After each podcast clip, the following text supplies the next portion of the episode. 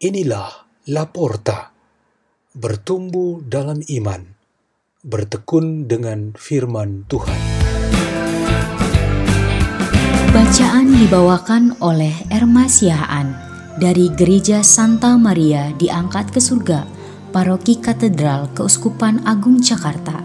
Dan renungan dibawakan oleh Irwan Mariono Marbun dari Gereja Santa Maria diangkat ke surga, Paroki Katedral Keuskupan Agung Jakarta.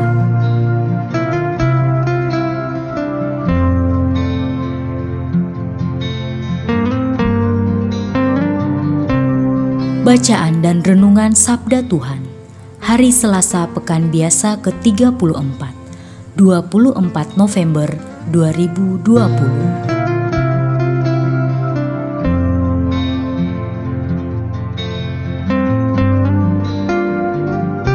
Pembacaan dari Kitab Wahyu. Aku, Yohanes, melihat sesungguhnya ada awan putih. Di atas awan itu duduk seorang seperti anak manusia dengan sebuah mahkota emas di atas kepalanya dan sebilah sabit tajam di tangannya. Lalu keluarlah seorang malaikat lain dari bait suci. Ia berseru dengan suara nyaring kepada dia yang duduk di atas awan itu. Ayunkanlah sabitmu itu dan tuailah, karena sudah tiba saatnya untuk menuai, sebab tuayan di bumi sudah masak. Maka dia yang duduk di atas awan itu mengayunkan sabitnya ke atas bumi, dan bumi pun dituailah. Lalu seorang malaikat lain keluar dari bait suci di surga ia pun memegang sebilah sabit tajam, dan seorang malaikat lain datang dari mesbah. Ia berkuasa atas api, dan ia berseru dengan suara nyaring kepada malaikat yang memegang sabit tajam itu. Katanya, "Ayunkanlah sabitmu yang tajam itu, dan potonglah buah pohon anggur di bumi, karena buahnya sudah masak." Lalu malaikat itu mengayunkan sabitnya ke atas bumi dan memotong buah pohon anggur di bumi dan melemparkannya ke dalam kilangan besar, yaitu murka Allah. Maka buah anggur itu dikilang di luar kota, dan dari kilangan itu mengalirlah darah. Tingginya sampai ke kekang kuda dan jauhnya 200 mil.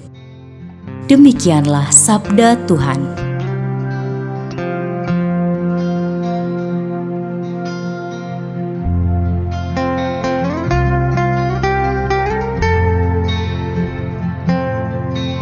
Tema renungan kita pada hari ini ialah tiba saatnya menuai.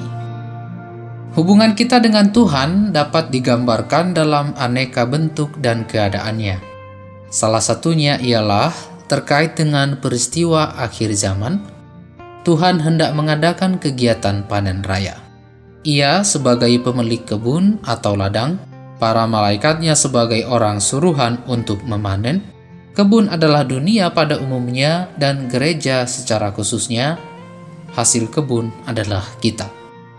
Kegiatan itu harus dilakukan oleh Tuhan karena dialah yang menaburkan semua benih dengan menaruh setiap orang ciptaannya ke dalam dunia.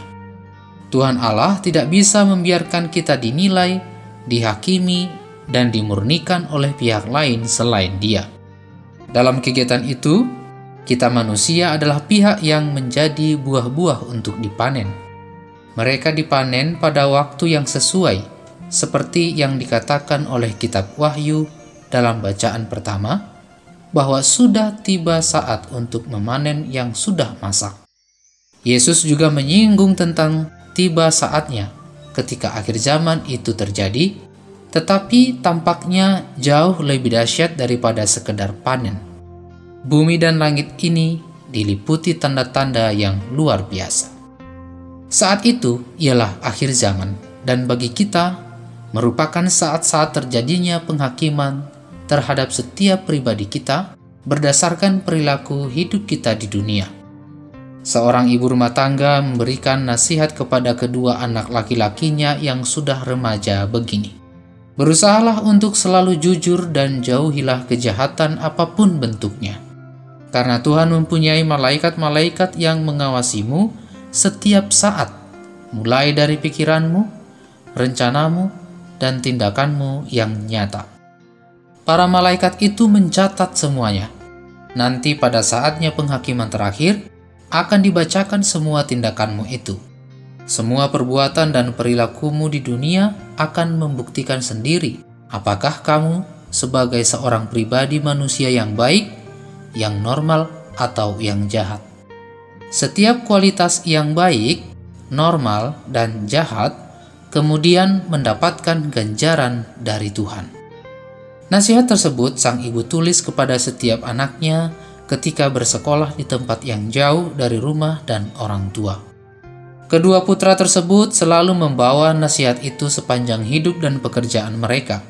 Mereka masing-masing membangun keluarga, dan nasihat yang sama diteruskan mereka kepada anak-anaknya. Betapa bijaksananya kita di dalam keluarga, komunitas, dan kelompok persekutuan masing-masing yang saling mengingatkan akan pentingnya akhir zaman. Kita tidak menunggu saja untuk dijelaskan atau diingatkan oleh uskup, imam, biarawan, atau seorang pewarta. Namun kita sungguh merasa bahwa seseorang yang kita kasih di dalam keluarga atau masyarakat perlu diingatkan akan datangnya akhir zaman. Marilah kita berdoa. Dalam nama Bapa dan Putra dan Roh Kudus. Amin. Ya Allah, Semoga rohmu selalu menerangi hati kami tentang kenyataan akhir zaman bagi kami. Kemuliaan kepada Bapa, Putra, dan Roh Kudus, seperti pada permulaan, sekarang, selalu, dan sepanjang segala abad. Amin. Dalam nama Bapa dan Putra dan Roh Kudus. Amin.